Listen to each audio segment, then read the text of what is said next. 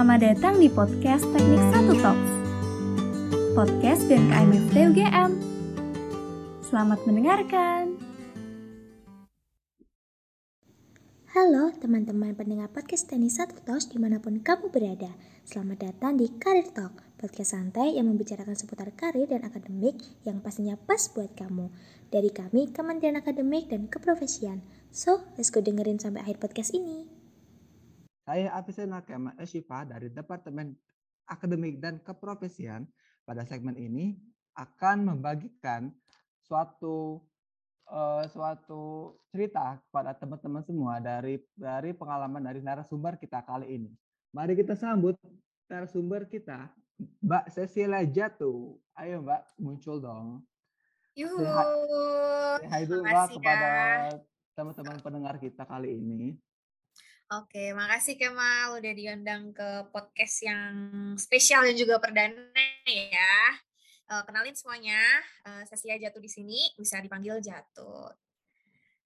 Oke nih Mbak ya, di sini aku lihat nih Mbak nih lulusan teknik geologi nih Mbak. Ayo mungkin bisa dijelasin nih Mbak apa sih teknik geologi? Mungkin dari teman-teman juga, eh, mungkin dari teman-teman SMA ataupun dari uh, ada teman-teman maba yang uh, udah kecemplung nih istilahnya tuh di teknik geologi masih kebingungan nih Mbak. Apa sih teknik geologi? Apa sih nanti belajar dari gimana? Nanti bisa prospeknya itu gimana? Mungkin bisa dijelasin nih Mbak. Oke deh. Jadi uh, kalau misalkan orang awam gitu ya, agak uh, bingung nih teknik geologi itu apa, bedanya sama geografi itu apa, geodesi itu apa. Nah, uh, bagi adik-adik juga teman-teman, teknik geologi itu tuh pokoknya membahas semua tentang earth atau tentang bumi gitu ya, tentang struktur dan juga komposisi bumi gitu.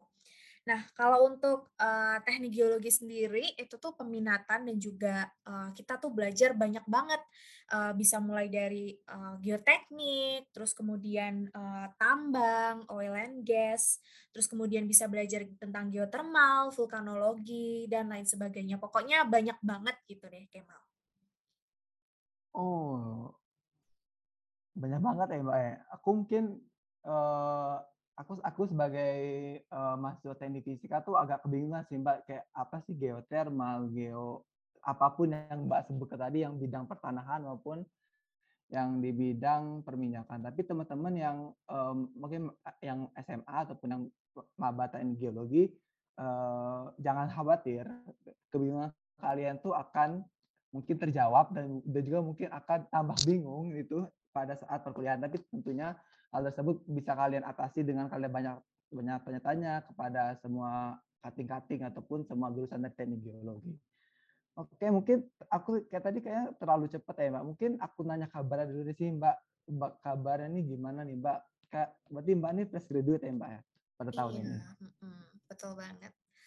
Uh, kabar aku nih ya Kemal, alhamdulillah baik-baik aja ya puji Tuhan, baik-baik aja. Semoga uh, Kemal di sana juga ini ya sehat-sehat aja ya di tengah pandemi ini. Uh, Alhamdulillah Mbak sehat hmm. ya sih bener bener banget nih Mbak walaupun COVID-19 tuh istilahnya tuh menurun dan juga udah ada booster nih sebagai hmm. pembantu kita tuh tapi tetap nih untuk teman-teman semua tetap menjaga protokol kesehatan. Oke, mungkin uh, pertanyaan template selanjutnya itu apa sih kesibukan Mbak Mbak akhir-akhir ini nih? Kayak Waduh. apa sih yang Mbak jalani akhir-akhir ini? Oke. Uh, kalau kesibukan akhir-akhir ini ya, uh, puji Tuhan nih, uh, aku sekarang udah uh, kerja gitu ya, as my first job uh, sebagai field engineer trainee di Slumberjay dan ya sibuknya gitu-gitu aja sih kerja dan juga uh, mungkin di sela-sela kesibukan aku kerja aku uh, masih menyempatkan diri gitu untuk uh, ikut uh, kegiatan organisasi-organisasi profesional di bidang geologi gitu Kemal. Uh, gitu-gitunya aja nih gimana nih Mbak? Oke mungkin nanti kita bahas lebih lanjut okay. lagi. Gitu-gitunya Mbak tuh gimana ya? Tapi mungkin uh, sedikit uh, flashback nih Mbak. Kan tadi kan Mbak udah jelasin nih uh, teknik geologi itu apa dan lain-lain. Mungkin Mbak juga uh, bisa nih Mbak kayak mungkin sharing sing singkat lah teman-teman gimana sih proses perkuliahan Mbak dari mungkin dari maba, dari semester 2, semester 3, mungkin kayak uh, udah mulai katanya tuh kalau nggak nggak nggak kepikiran salah jurusan tuh kurang afdol sih kalau di teknik. Mungkin Mbak merasakan hal tersebut atau enggak juga gitu sih. Mungkin sedikit nih cerita-cerita kepada teman-teman semua. Oke deh, salah jurusan ya. Uh, sebenarnya uh, kalau misalkan mau diceritain gitu ya dari mahasiswa baru, maba gitu sampai dengan uh, aku lulus itu cukup panjang gitu ya ceritanya. Uh, tapi kalau misalkan awal-awal maba gitu ya itu kayak masih bingung gitu. Aku nih belajar apa sih di teknik geologi gitu kan. Tapi lama-lama makin ngerti gitu, makin tambah semesternya. Uh, mungkin kalau misalkan untuk salah jurusan, itu mungkin sempet ya, karena waktu itu kan kalau teknik geologi pasti ada pemetaan atau kuliah lapangan gitu kan. Itu benar-benar uh, fase yang uh, cukup berat gitu kata anak-anak geologi karena kita harus pemetaan mandiri dan lain sebagainya itu sempat ngerasa dan sempat kepikiran apakah aku salah jurusan gitu. Tapi uh, ternyata setelah itu kan ada penjurusan ya atau peminatan gitu sesuai dengan minat kita di geologi itu maunya ke tambang atau maunya ke perminyakan atau maunya uh, belajar tentang lingkungan tuh bisa uh, dijuruskan sesuai dengan passion masing-masing gitu. Jadi udah nggak uh, merasa worry lagi gitu tentang salah jurusan. Jadi kita merasa happy aja gitu belajarnya. Uh, terus kemudian kita juga bisa milih skripsi sesuai dengan passion kita gitu, Kemal.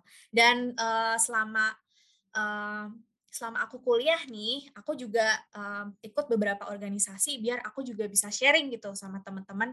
Kira-kira aku nih uh, di geologi pengennya dan passionnya tuh gimana sih gitu sih, Kemal. Oh, ya yes, ya.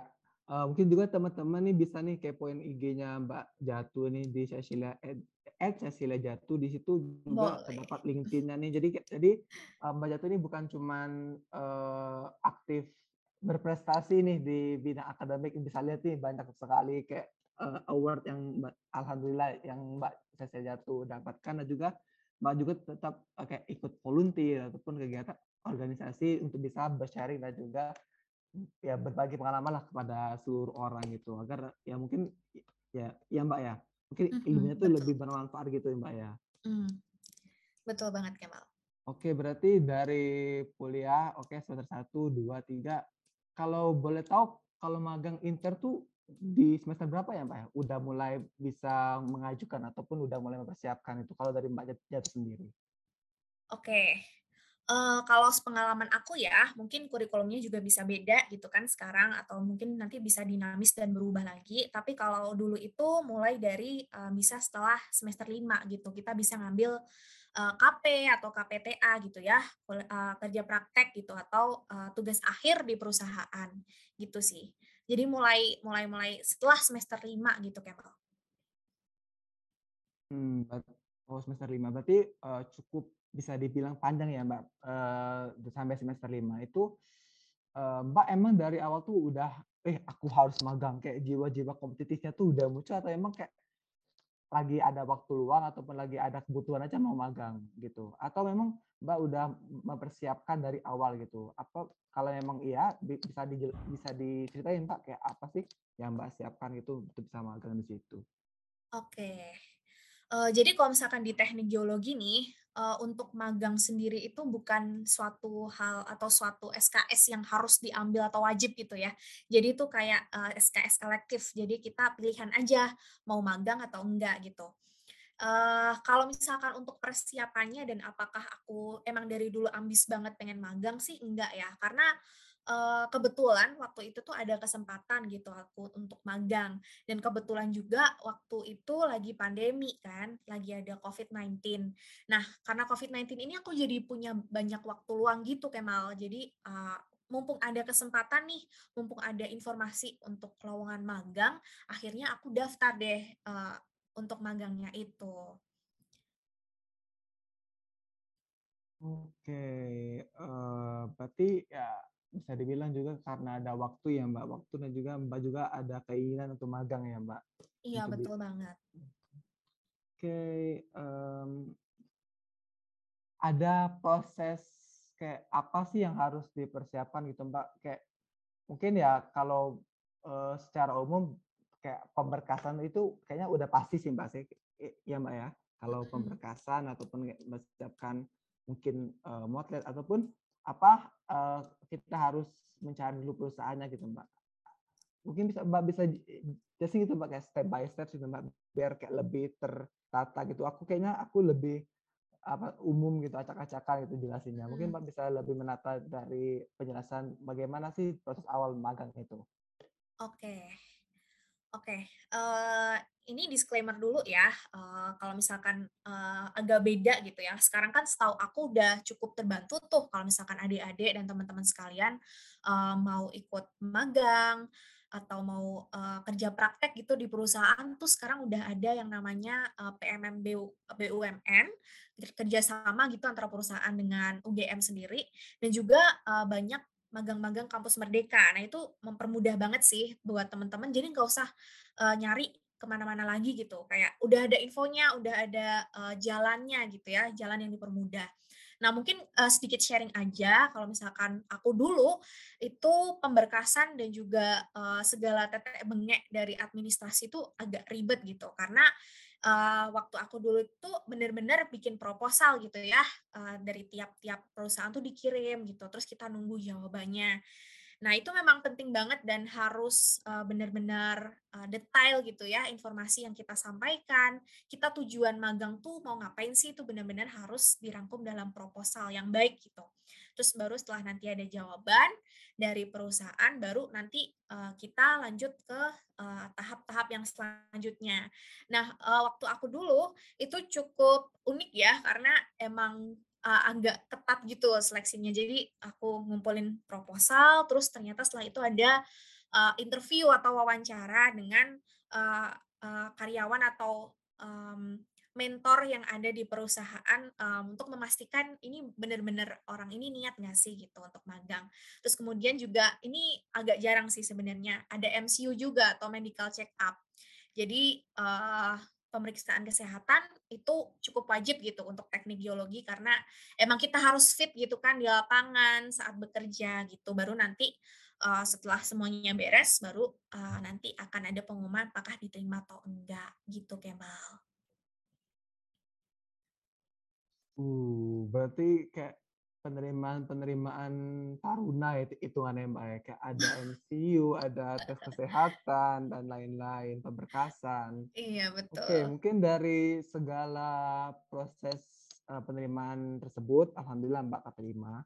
Nah, mungkin uh, mungkin Pak bisa kayak mendeskripsikan ataupun kayak ngasih gambaran sih apa sih yang membedakan magang dengan perkuliahan biasa? Ya pastinya beda sih. Tapi mungkin Mbak bisa kasih hal-hal yang mungkin Mbak dapatkan ataupun hal yang Mbak rasakan kayak di magang tersebut. Mungkin ya kayak teman-teman tuh harus magang gitu kayak jangan kuliah doang gitu kayak mungkin apa sih yang Mbak harus Mbak tekankan dari proses magang tersebut? Oke deh.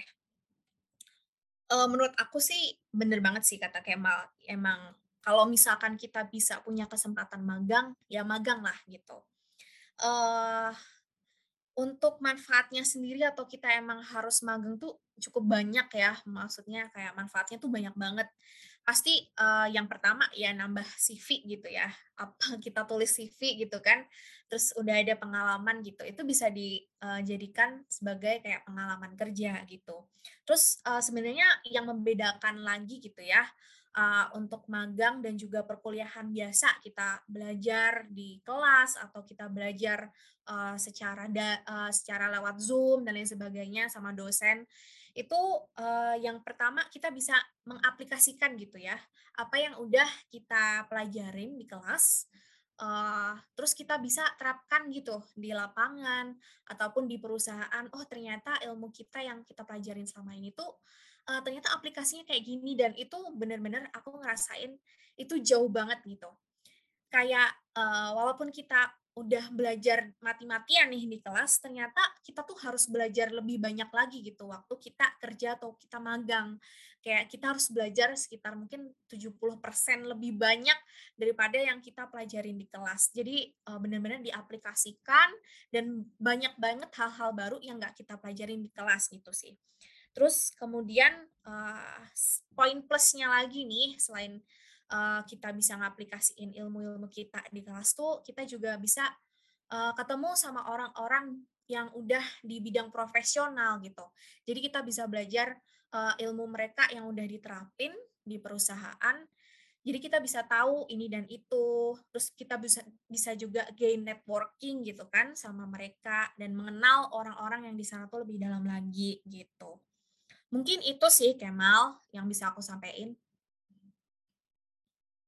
Oh, ya ya sih kan magang tuh kayak kita langsung terjun gitu Mbak ya, langsung Iya, terjun betul ke banget. peker Mhm. ke bidang pekerjaan. Nah, dari beberapa proses magang yang sudah Mbak jalani, mungkin Mbak bisa kayak kasih, eee, penjelasan salah satunya Mbak, mungkin dari Husky Sinop ataupun dari Starven ataupun dari Schlumberger, eee, salah satu dari ke ketiga 4 magang ini mungkin Mbak, mungkin deskripsikan ini ngapain sih di di perusahaan ini ngapain ataupun hal-hal yang mungkin dari perusahaan itu kan pasti kan akan ada hal-hal yang harus dilakukan atau hal harus dicapai oleh setiap, eee, mahasiswa yang magang. Nah, itu itu pun mungkin bisa Mbak ceritakan kepada teman-teman kita semua. Oke, berarti agak panjang nih ya Kemal ceritanya gitu ya. Oke, eee, jadi aku magang pertama kali itu di Husky Sinop Madura Limited, eee, mungkin kalau teman-teman ada ata atau ada yang ada yang ada yang nggak tahu nih, itu, eee, salah satu oil company gitu ya, eee, di Indonesia. Nah, eee, di Husky Sinop Madura Limited ini dia itu, eee, perusahaan swasta gitu, dan bergerak di oil company, mereka eksplorasi minyak gitu ya.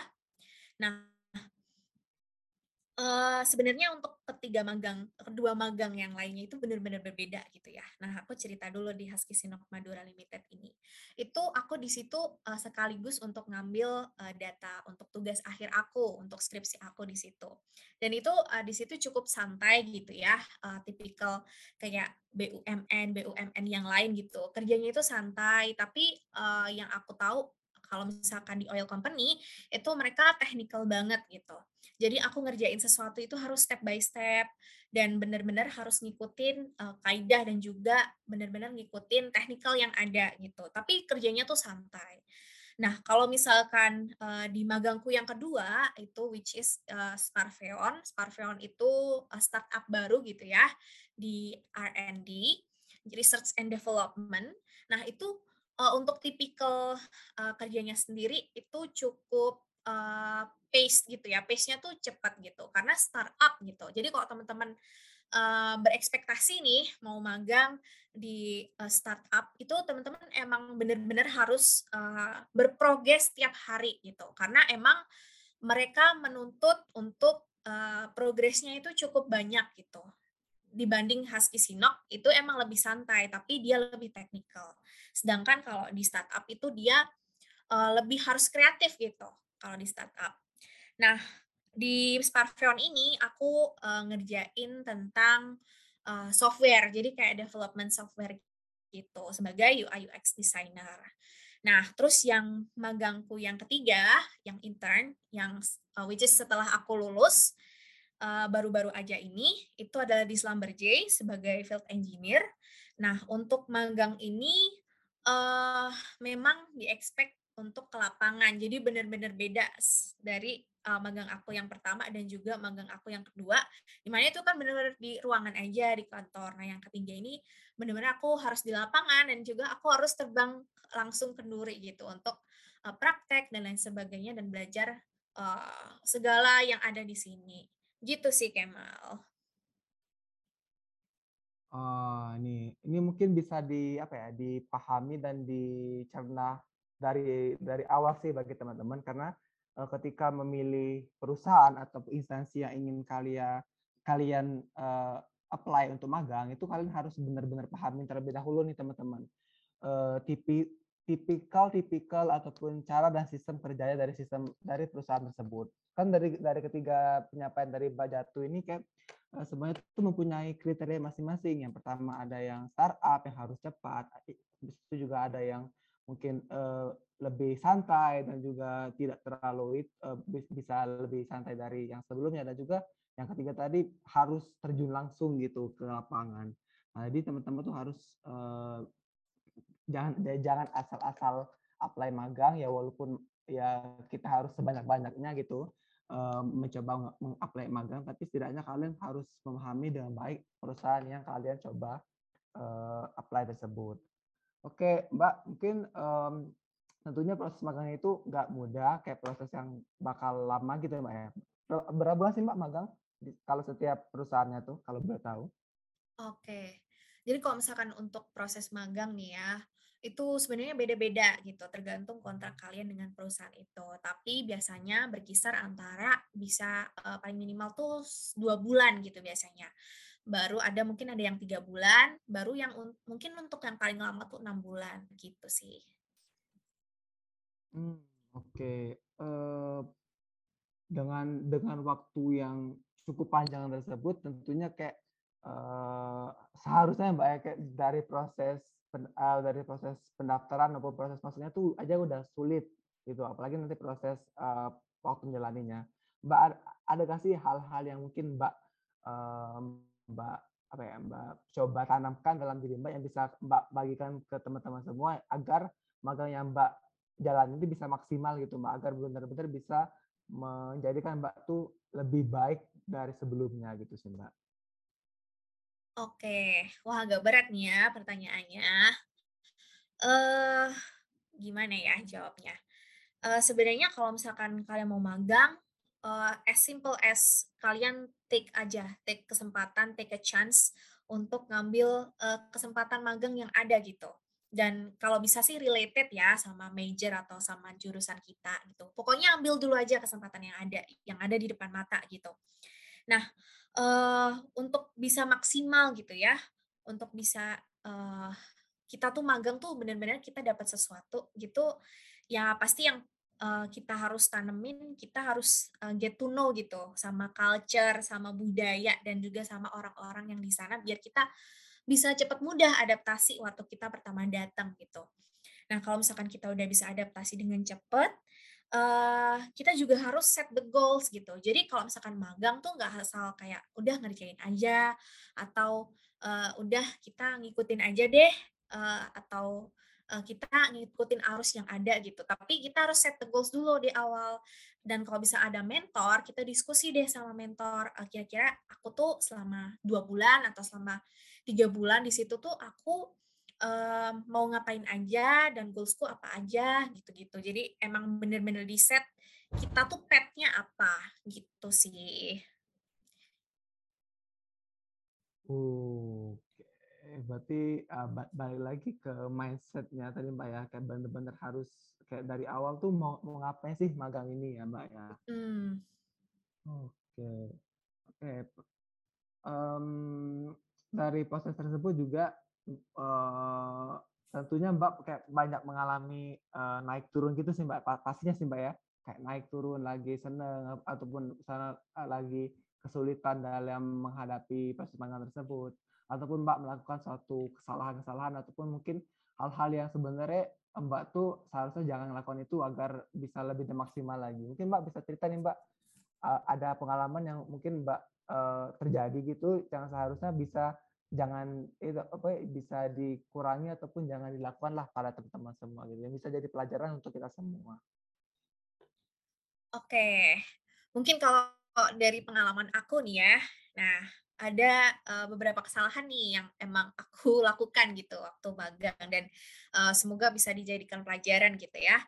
Uh, jadi uh, dulu kesalahan pertama nih, uh, dulu tuh aku magang itu ada timeline yang bertabrakan. Jadi uh, aku ngambil dua magang tuh ada uh, timeline dua magang itu yang emang dia tabrakan. Jadi dia uh, uh, aku magang di suatu waktu yang sama gitu, dua magang di satu waktu yang sama dan itu uh, aku nganggapnya kayak oh bisa nih kan uh, ada kesempatan WFH gitu ya atau online tapi ternyata nggak uh, bisa gitu. Jadi ada beberapa hal yang emang kita nggak bisa kerjakan secara bersamaan atau multitasking dalam waktu yang sama dan itu uh, jangan dianggap remeh gitu ya teman-teman atau adik-adik. Jadi karena uh, multitasking itu jadi kita pecah konsentrasi atau pecah fokus gitu jadinya.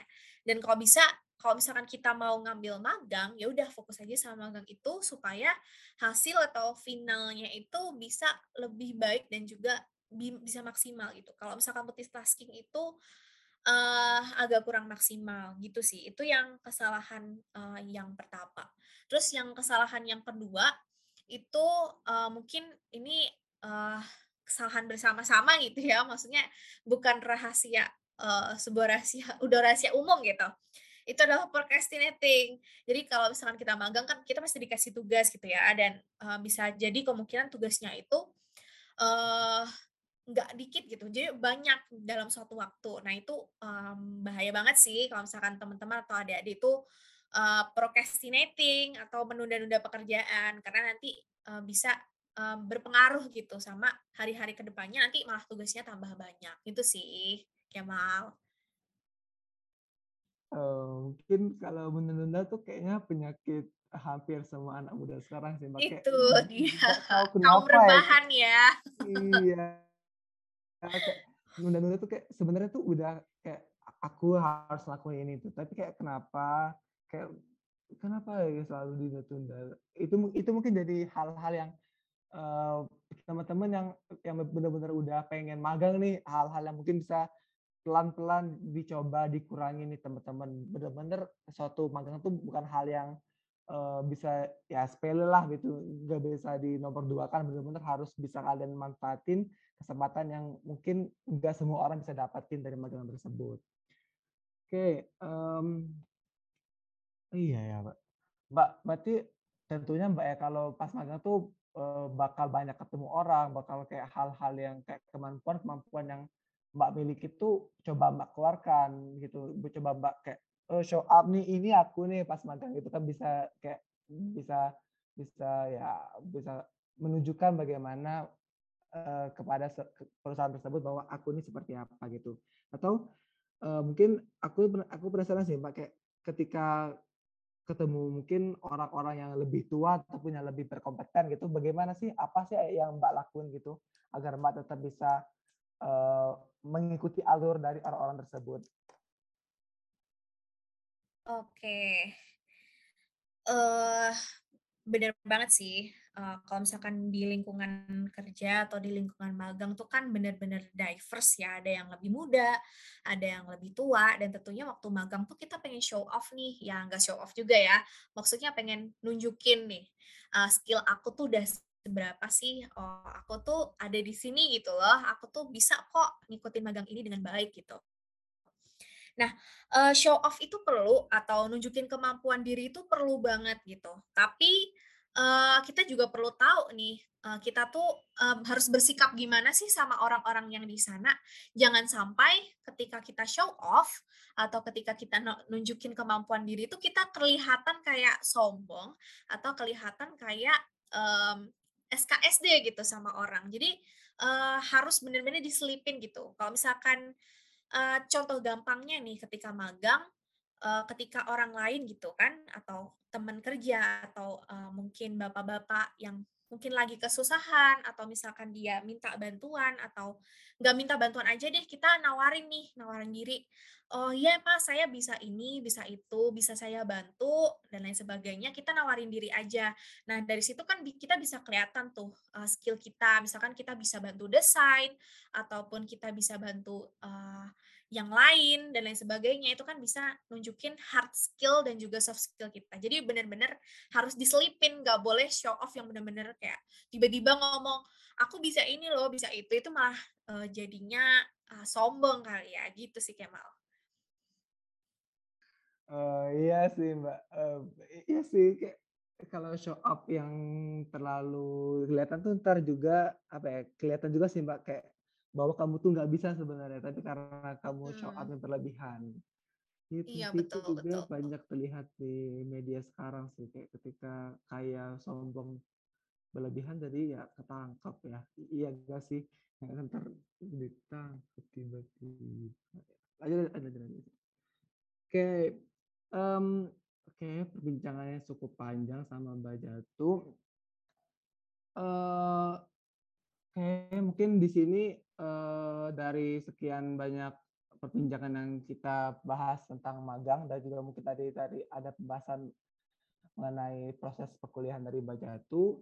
Uh, izinkan saya sedikit uh, apa ya, menyimpulkan apa yang kita perbincangkan pada uh, pada podcast kali ini, yaitu uh, proses magang itu sebagai sesuatu yang kesempatan yang yang yang harus kalian manfaatkan nih teman-teman. Jadi nggak bisa kalian uh, walaupun ini nantinya proses apply-nya bisa kalian apply ke mana pun, tapi tetap tetap uh, sebagai suatu kesempatan yang harus kalian manfaatin. Nah proses uh, proses tersebut juga uh, sebagai suatu hal yang harus um, kalian tanamin bahwa perusahaan-perusahaan yang kalian apply itu juga mempunyai kriterianya masing-masing. Jadi kalian harus uh, dari proses awal mendaftar, proses uh, perjalanan magang maupun nanti proses akhir kalian harus bisa benar-benar memaksimalkan setiap kemampuan yang kalian miliki tapi tidak dengan show up. banyak banyak sekali nih teman-teman yang bisa kalian lakuin uh, di magang tersebut. Salah satunya kayak proses uh, apa ya, kayak proses bertemu bertemu orang yang lebih tua dan bertemu orang yang lebih keren dari kalian. Dan kalian bisa mengambil ilmu-ilmunya dari dari orang-orang tersebut. Dan contohnya tuh dari Mbak Jatu ini dari persembahan tersebut dia banyak sekali banyak uh, suatu pengalaman dan juga kesempatan yang ia miliki. Oke Mbak Jatu dari uh, podcast kali ini kayaknya udah selesai nih, udah panjang lebar kita bercerita uh, mungkin aku minta sama Mbak Jatu nih uh, kasih tips dan triknya mungkin juga sebuah closing statement nih kepada teman-teman pendengar semua dari uh, magang yang Mbak lalui selama ini. Oke deh, closing statement ya Kemal ya. Yo, iya Mbak. Ya ya apa pun ya kayak mungkin petua-petua, tips dan trik maupun hal-hal yang Mbak bisa jelasin ke teman-teman. Uh, mungkin kalau tips and trick uh, mungkin udah aku sebutin semuanya kali ya di podcast tadi. Tapi kalau misalkan um, closing statement aja nih, kalau untuk closing statement uh, sama persis sih, tak sama tadi yang aku katain, uh, yang aku tadi bilang tuh uh, ambil aja kesempatan yang ada di depan gitu, karena belum tentu kesempatan yang ada di depan mata tuh bakal uh, balik lagi atau bakal kembali untuk kedua kalinya. Jadi uh, gunakan dan juga ambil kesempatan itu dengan sebaik mungkin, kita bisa persiapkan dengan sebaik mungkin, dan uh, insya Allah gitu ya, bisa menghasilkan uh, sesuatu yang bermanfaat juga buat diri kita, gitu Kemal. Oh, closing statement dari Mbak Jatuh, luar biasa nih teman-teman. Kayak, kayak apa, uh, closing statement yang dari Mbak Jatuh? Mungkin dari teman-teman bisa kalian ambil nih uh, sebuah kalimat-kalimat yang diberikan oleh Mbak Jatuh. Atau kalian mungkin ada hal nih yang kalian ingin tanyakan ke Mbak Jatuh boleh banget di follow IG-nya di @cacelia celia ini benar ya celia jatuh pd nah di, di deskripsi bio Instagramnya Mbak Jatuh juga di situ ada link untuk uh, linknya Mbak Jatuh di situ kalian juga bisa kepoin apa hal yang dia lakuin, apa hal yang sudah dia capai dan juga apa hal yang bi mungkin bisa kalian sebagai trigger kalian nih bahwa Mbak Jatuh eh bisa apalagi seharusnya kalian juga bisa nih untuk bisa mencapai hal tersebut. Waduh. Oke. Terima kasih Mbak Jatuh karena telah meluangkan waktunya untuk uh, hari ini pada pada podcast Career Talk Eh, Kementerian Akademik dan Keprofesian BPM FTUGM. Sehat dan bahagia selalu untuk Mbak Jatu. Uh, dan juga uh, dan juga terima kasih buat teman-teman yang sudah setia mendengarkan sampai terakhir sampai sekarang dan juga jangan lupa untuk selalu menjaga kesehatan dan mendengarkan podcast podcastnya uh, podcast selanjutnya di teknik satu pod, teknik satu top podcast di BMKM FTUGM. Oke, saya Abisena Kemal Siva. Eh, sampai jumpa di teknik di, di podcast selanjutnya. Terima kasih. Thank you.